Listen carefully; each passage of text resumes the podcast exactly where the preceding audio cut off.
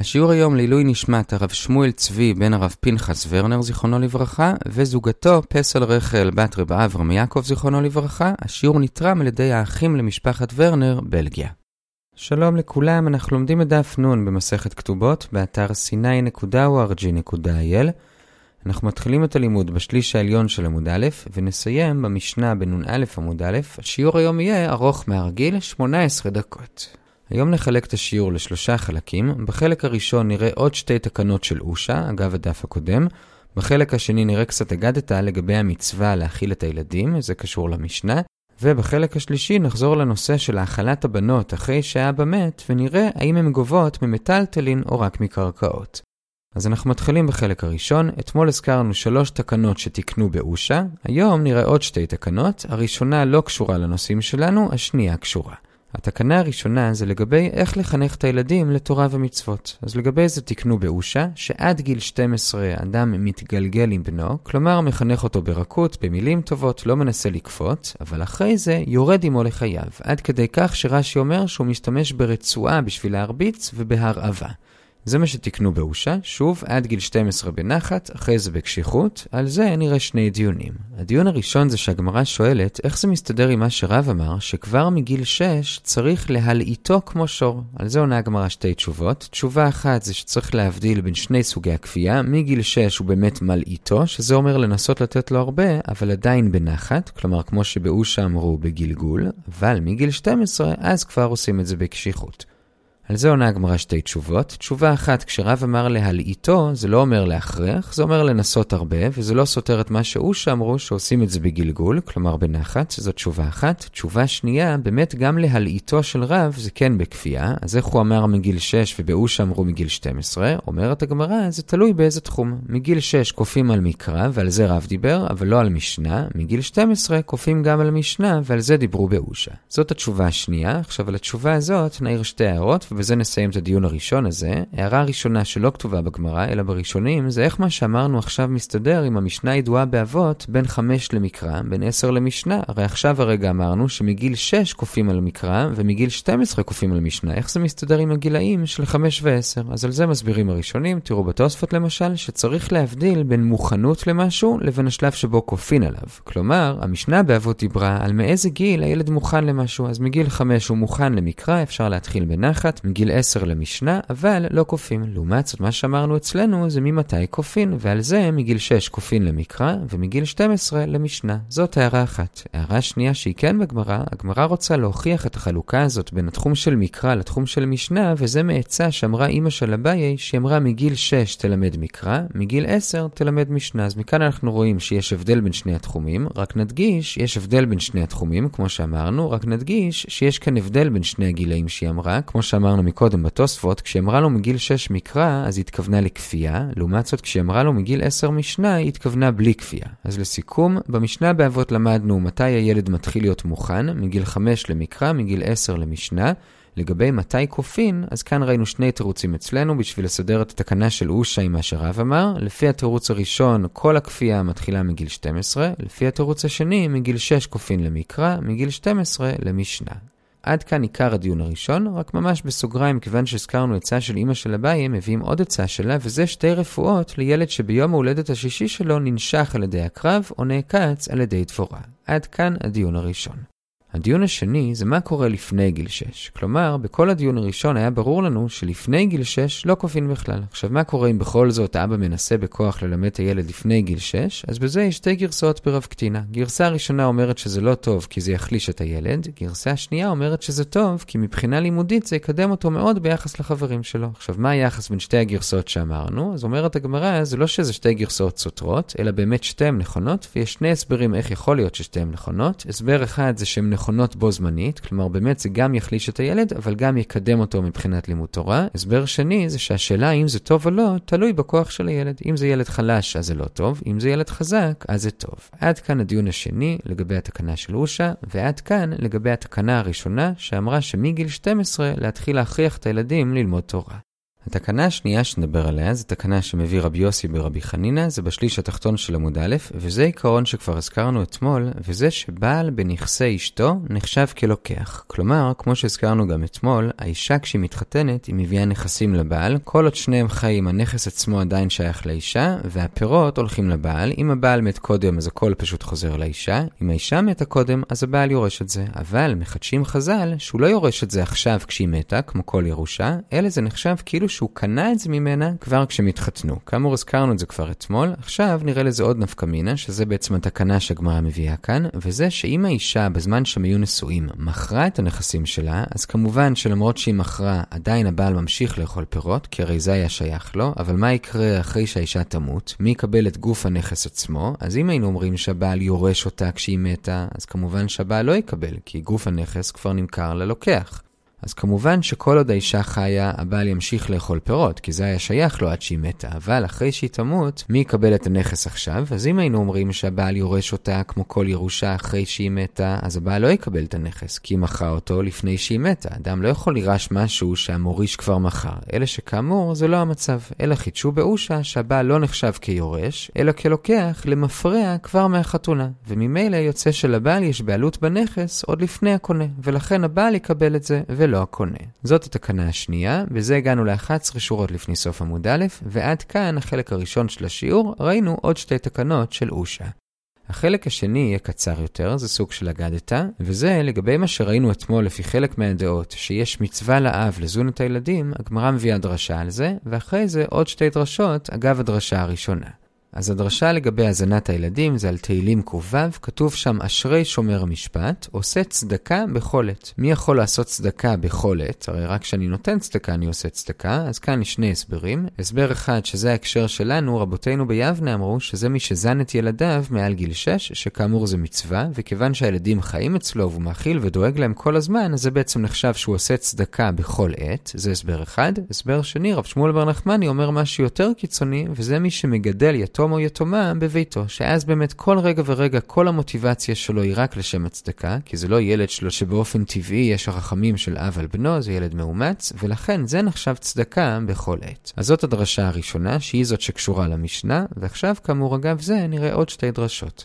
הדרשה השנייה זה על פסוק בתהילים קי"ב, זה מובא כאן כנראה כי הפסוק קצת דומה לפסוק הקודם, בפסוק הקודם היה כתוב צדקה בכל עת, בפסוק הזה כתוב הון ועושר בביתו, וצדקתו עומדת לעד. עכשיו יש כאן איזשהו ניגוד בין ההתחלה לסוף של הפסוק, כי מצד אחד הון ועושר בביתו, כלומר יש לו הרבה, וצדקתו עומדת לעד, הוא גם נותן הרבה החוצה. על מה זה מדבר? אז הגמרא דורשת את זה על לימוד תורה, שהוא גם שומר לעצמו, וגם מפזר החוצה. על מה זה מדבר? אז יש שני הסברים, הסבר אחד זה על מי שלומד ומלמד, הסבר שני זה על מי שכותב תנ"ך ומשאיל אותו לאחרים. זאת הדרשה השנייה. הדרשה השלישית כנראה מובאת אגב זה שבדרשה הראשונה ראינו הסבר של רבותינו ביבנה, ואחרי זה הסבר של רב שמואל בר נחמני, אז גם כאן מביאים עוד פסוק שגם עליו יש הסבר בהתחלה של הגמרא, ואחרי זה הסבר שני של רב שמואל בר נחמני. הפסוק הוא וראה בנים לבניך, שלום על ישראל. כשאדם זוכה שיש לו נכדים, זה עושה שלום. למה זה עושה שלום? אז כאמור יש כאן שני הסברים. הסבר אחד זה שכשלבנים של אדם יש ילדים, אז הוא יכול להיות שמח בזה שכיוון שיש להם ילדים, אז גם אם אחד מהבנים ימות, הם לא צריכים לדאוג שיהיה מריבות, האם לעשות ייבום או חליצה, כי ברגע שיש להם ילדים, אז כבר לא צריך ייבום וחליצה. זה הסבר אחד.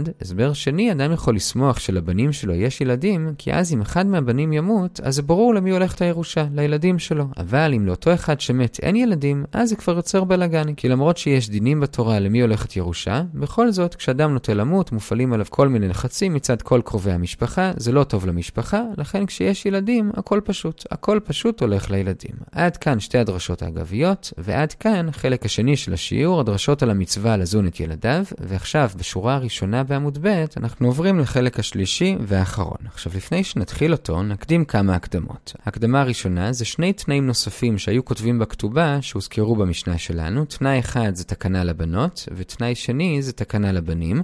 התקנה לבנות זו תקנה שכבר הזכרנו אתמול, וזה שאחרי שאבא מת, הבנים יורשים את הנכסים, אבל אותם נכסים משועבדים לבנות לגבי זה שהבנים צריכים להאכיל אותם מהנכסים. זה התקנה לבנות. מצד שני גם יש תקנה לבנים, זה נקרא בנין דוכרין, כלומר בנים זכרים, וזה שאם האימא מתה לפני האבא, אז הרי בזה היא בעצם פספסה את הכתובה שהיא יכלה לקבל אם האבא היה מת לפניה, אז התקנה אומרת שאותו סכום של הכתובה ילך לבנים שלה. כלומר, אם לאבא אחד יש כמה נשים ומכל אישה כמה בנים, ונגיד שלכל אישה הוא כתב סכום אחר בתוספת כתובה, אז כשאבא מת, קודם כל כל הבנים מקבלים את הסכום שהאימא שלהם הייתה אמורה לקבל בכתובה, אם היה בה מת לפניה, ורק אחרי שחילקנו את כל הסכומים של הכתובות לכל הבנים, אחרי זה מה שנשאר מחלקים שווה בשווה. זה נקרא תקנת בנין דוכרין.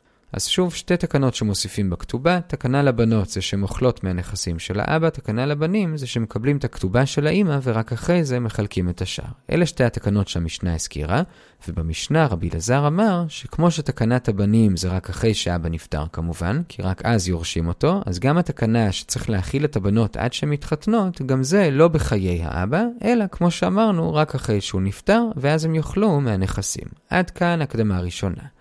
הקדמה שנייה, בנ"ב עמוד ב' אנחנו נראה שיש עוד תקנה לטובת הבנות, וזה נקרא פרנסת הבנות, וזה שכשאבא נפטר והבנים ירשו אותו, אז חוץ מזה שהם צריכים להאכיל את הבנות מהנכסים, הם גם צריכים לשים כסף בצד בשביל הנדוניה שלה. כלומר, יום אחד הבת תתבגר ותצטרך להתחתן, ובשביל להשיג שידוך טוב היא תצטרך להביא איתה איזה נדוניה, כלומר איזשהו סכום כסף או נכסים שמביאה לחתונה, אז כיוון שאבא שלה נפטר והוא לא יוכל לדאוג לה לזה, אז הבנים צריכים להפריש מהנכסים שהם ירשו בשביל זה. זה נקרא נקרא פרנסת הבנות. זאת הקדמה שנייה.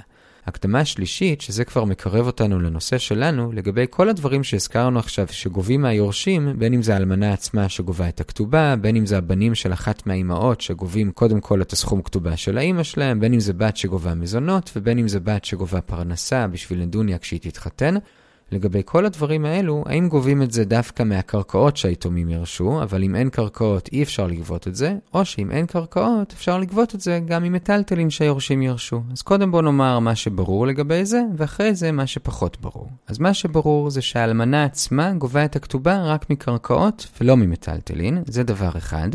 דבר שני שברור, בדומה לאלמנה, גם תקנת הבנים שיורשים קודם כל את הכתובה של אמא שלהם, גם הם עושים את זה רק מקרקעות שאבא הוריש ולא ממטלטלין, זה מה שברור. גם לגבי פרנסת הבנות, גם זה די ברור, אבל הכיוון ההפוך. כלומר, משמע בגמרא שכיוון שפרנסת הבנות זה לא חלק מתנאי הכתובה, אלא משלמים את זה לבנות לפי אומדנה מה אנחנו חושבים שהאבא היה רוצה לתת לבת הזאת אם הוא היה חי, ממילא כיוון שזה לא חלק מתנאי הכתובה, אז כאן אין את הכלל שתנאי כתובה ככתובה, ולכן אפשר לתת את זה גם עם מיטלטלין. אמנם בסוף הגמרא, רגע לפני המשנה בנ"א עמוד א', רבא אומר שגם פרנסת הבנות זה דווקא מקרקעות, אבל התוספות אומרים שזה לא חולק על מה שהרגע אמרנו, באמת גם רבא מסכים שאפשר ממיטלטלין, מה שהוא אמר שזה מקרקעות, זה רק שאין אפשרות לעשות אומדנה, אז זה בעצם נהיה חלק מתנאי הכתובה וזה רק קרקעות. אבל עקרונית, פרנסת הבנות זה כן ממיטלטלין. אז שוב, הכתובה עצמה והתקנה של הבנים, שזה חלק מתנאי הכתובה, זה מקרקעות. פרנסת הבנות, שזה לא חלק מתנאי הכתובה זה ממטלטלין.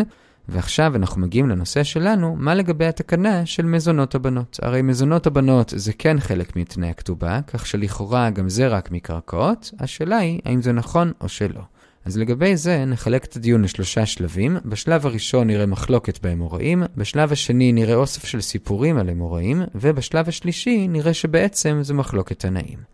אז אנחנו מתחילים בשלב הראשון, מחלוקת אמוראים. האם הבנות יכולות לגבות את המזונות גם ממטלטלין או רק מקרקעות? אז רב אמנונה אומר שרק מקרקעות, רב יצחק בר יוסף אומר שנכון שמעיקר הדין זה רק מקרקעות, אבל אחרי זה תקנו באיזושהי עליית גג שהן יכולות לגבות גם ממטלטלין. אז שוב, רב אמנונה אומר שלא ממטלטלין, רב יצחק בר יוסף אומר שתקנו בסוף גם ממטלטלין. עכשיו, מה הסברות של רב אמנונה שאומר שלא? אז עולים כאן שלוש סברות. סברה ראשונה שרב אמנונה אומר בעצמו, זה שכמו שבמשנה עשינו הקבלה בין תקנת הבנים לתקנת הבנות ששניהם רק אחרי מיתה, אז גם לגבי האם אפשר לגבות ממטלטלין, גם כאן נעשה הקבלה. וכמו שהבנים זה רק מקרקעות, גם הבנות זה רק מקרקעות. זאת סברה ראשונה. סברה שנייה זו סברה שלא עולה בגמרא, אלא באחרונים, ובעצם הם שואלים על הגמרא למה הגמרא עצמה לא אמרה את זה, וזה שגם אם לא היינו מדמים בין התקנה של הבנות לתקנה של הבנים, הרי כבר אמרנו שתנאי כתובה ככתובה, וממילא, כיוון שגם התקנה של הבנות זה חלק מתנאי הכתובה, ממילא ודאי שזה רק מקרקעות. זאת סברה שנייה. תראו באחרונים, למשל הפני יהושע, שמסביר למה הגמרא עצמה לא אמרה את זה. הסברה השלישית עולה בהמשך הגמרא, שלוש שורות לפני סוף עמוד ב', אומר אביי, זה קל וחומר מבעל חוב. הרי המלווה כשהוא רוצה לגבות מהלווה את החוב, וללווה אין מה לתת, אז הוא יכול לגשת ללקוחות או ליורשים של הלווה ולגבות מהם, ואת זה הוא יכול לעשות רק מקרקעות, לא ממטלטלין. ממילא קל וחומר שגם הבנות מקבלות את המזונות שלהם רק מקרקעות ולא ממטלטלין. למה זה קל וחומר? כי הרי כמו שהזכרנו אתמול, בניגוד לבעל חוב שהוא יכול לגבות גם מיורשים של הלווה וגם מלוקחים של הלווה, הבנות לעומת זאת יכולות לגבות רק מיורשים ולא מלוקחים. ממילא רואים שהכוח של הבנות יותר קטן, וממילא אם גם בעל חוב יכול לגבות רק מקרקעות, אז קל וחומר שגם הבנות גובות רק מקרקעות. זאת הסברה השלישית, למה גם תקנת הבנות זה רק מקרקעות, וזאת כאמור באמת דעת רב אמנונה, שהן גובות רק מקרקעות, אבל כאמור רב יצחק בר יוסף אמר, נכון, באמת מעיקר הדין זה רק מקרקעות, אבל אחרי זה תקנו בעלייה שיגבו גם ממטלטלין. עד כאן השלב הראשון, ראינו את מחלוקת האמוראים ואת הסברות. השלב השני, שזה מתחיל קצת מתחת לאמצע עמוד ב', זה אוסף של סיפורים באמוראים לגבי זה, וגם את האוסף הזה נחלק לשתי קבוצות. בקבוצה הראשונה יש סיפור אחד, שהמסקנה ממנו תהיה שאנחנו בעצם עדיין בספק מה ההלכה, שם מסופר שרב אמר ליתומים לתת לבנות מחיתים שהיו בעלייה, עכשיו הרי חיתים זה מטלטלין, אז לכאורה זה אומר שגובים ממטלטלין, אבל הגמרא התלבטה במה מדובר שם. האם שם היה מדובר בפרנסת הבנות, שאז כמו שהקדמנו, באמת זה מובן שגובים ממטלטלין, אבל ממזונות מזונות אולי לא, או ששם היה מדובר במזונות, כלומר שאפילו מזונות גובים ממטלטלין, וכשהרב הדגיש שזה חיטים בעלייה, הוא בעצם רצה לרמוז לתקנה שאמר רב יצחק בר יוסף שתיקנו בעלייה שגובים ממטלטלין. אז בעצם עדיין נשארנו בספק, כי לא ברור במה מדובר. הגמרא שם ניסתה לפשוט משמואל שגם הוא נתן הוראה דומה, אבל הגמרא דוחה כי גם אצלו יש ספק האם מדובר שם בפרנסה או מזונות, ממילא עדיין נשארנו בספק. זה היה הסיפור הראשון.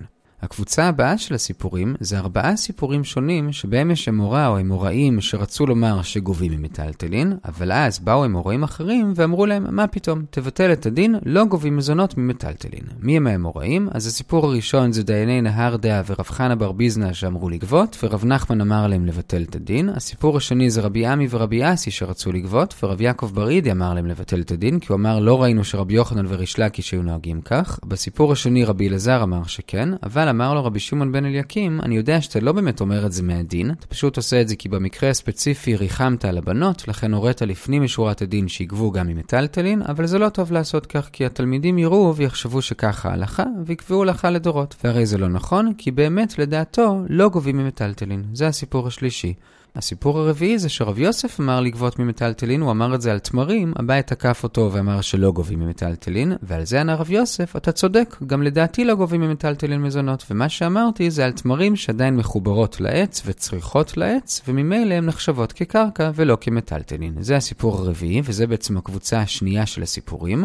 הקבוצה השלישית זה בעצם סיפור אחד, זה בשורה השנייה בנ"א עמוד א', ואת הסיפור הזה שמנו בקבוצה בפני עצמה, כי אמנם גם בסיפור הזה המסקנה היא שמעיקר הדין באמת לא גובים ממטלטלין, אבל בכל זאת אנחנו נראה שיש דרך לעקוף את זה. מה הסיפור? רב אמר לאפוטרופוס אחד על הנכסים של היתומים לתת לאכול גם ליתום וגם ליתומה, אפילו שמדובר במטלטלין, על זה הקשו עליו מה פתאום, הרי לא גובים ממטלטלין, והוא ענה, נכון, עקרונית לא גובים ממטלטלין מזונות, אבל אפשר להחשיב את אותה אחות כאילו שהיא שפחה. כלומר, הרי אם האח היה רוצה לקחת לעצמו שפחה שתעזור לו בבית, אז האפוטרופוס היה נותן לו לזה כסף, ומן הסתם הוא היה צריך לתת לאותה שפחה גם מזונות, היא צריכה לאכול משהו. ממילא הוא אומר, אפשר להחשיב את האחות גם כסוג של שפחה. הרי היא גרה איתו, והיא גם כן מן הסתם עוזרת בגידול שלו ובניהול הבית, ממילא אין סיבה שלא נחשיב אותה לפחות כמו שפחה, והיא תקבל מזונות, לא כי מגיע למזונות באופן ישיר מהמטלטלין, אלא כאילו שהיא שפחה. זה הסיפור השלישי, ועד כאן השלב השני של הסוגיה הזאת, וכרגע מה שיוצא מהשלב הזה, זה שלא מאכילים ממטלטלין, אלא רק מקרקעות. זה השלב השני, ועכשיו לסיום, השלב השלישי והאחרון, אחרי שהגמרא הביאה את הדעות של כל האמוראים, היא מביאה ברייתא, ששם זה מחלוקת תנאים מפורשת. הגמרא מביאה ברייתא די ארוכה, לענייננו מה שחשוב זה שרבי אומר שמאכילים גם ממטלטלין, הברייתא קוראת לזה נכסים שאין להם אחריות, לעומת זאת רבי שמעון בן אלעזר אומר שם שלא,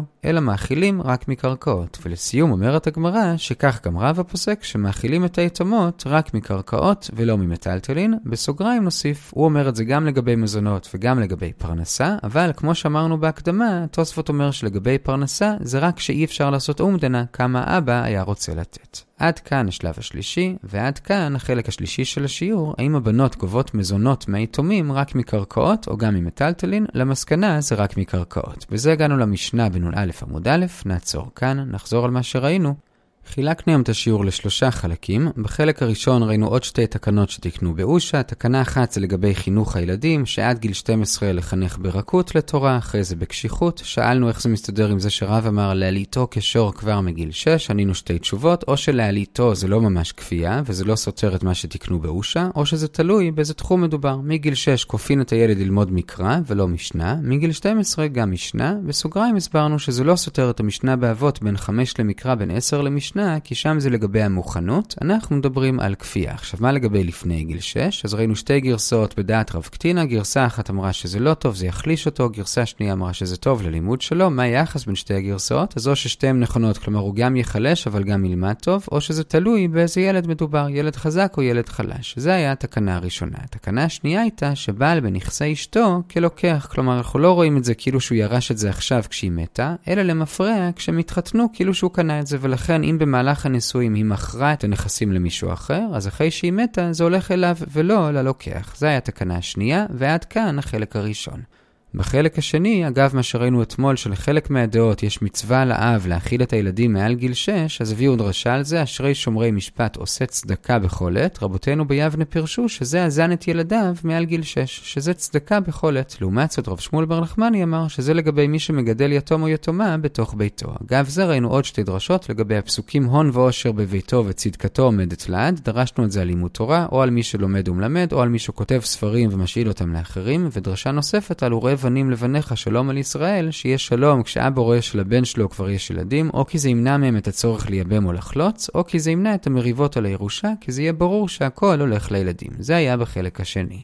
בחלק השלישי שאלנו האם כשהבנות גובות את המזונות שלהם, הן גובות רק מקרקעות או גם ממטלטלין. לגבי זה ראינו שלושה שלבים. בשלב הראשון ראינו מחלוקת אמוראים, רב אמנון אמר רק מקרקעות, והבאנו לזה שלוש סברות, או מהקבלה בין תקנת הבנים לתקנת הבנות, או פשוט כי זה חלק מתנאי הכתובה, או קל וחומר מבעל חוב. בכל אופן זה רב אמנונה שרק מקרקעות, אבל רב יצחק בר יוסף אמר שתיקנו אחרי זה בעלייה שגם ממטלטלין ולא רק מקרקעות. זה השלב הראשון. בשלב השני ראינו שלושה סיפורים. סיפור אחד על רב שאמר לגבות מחיתים, שזה מטלטלין, אבל עדיין הגמרא נשארה בספק, כי לא ברור שם האם היה מדובר בפרנסת הבנות, שאז זה מובן, או במזונות הבנות, שאז באמת זה חידוש. סיפור רביעי זה בעצם ארבעה סיפורים שונים על אמוראים שפסקו כן לגבות ממטלטלין, אבל אז באו אליהם אמוראים אחרים ואמרו שלא. סיפור שלישי זה על רבא, שאומנם הודה שלא גובים ממטלטלין, אבל הוא אמר, זה לא גרע משפחה. אפשר להחשיב את האחות כשפחה, כי הרי היא עוזרת בגידול אח שלה היתום, וממילא, כמו שלשפחה היינו נותנים מזונות מהמטלטלין, אז גם לאותה אחות ניתן גם מהמטלטלין. זה היה השלב השני.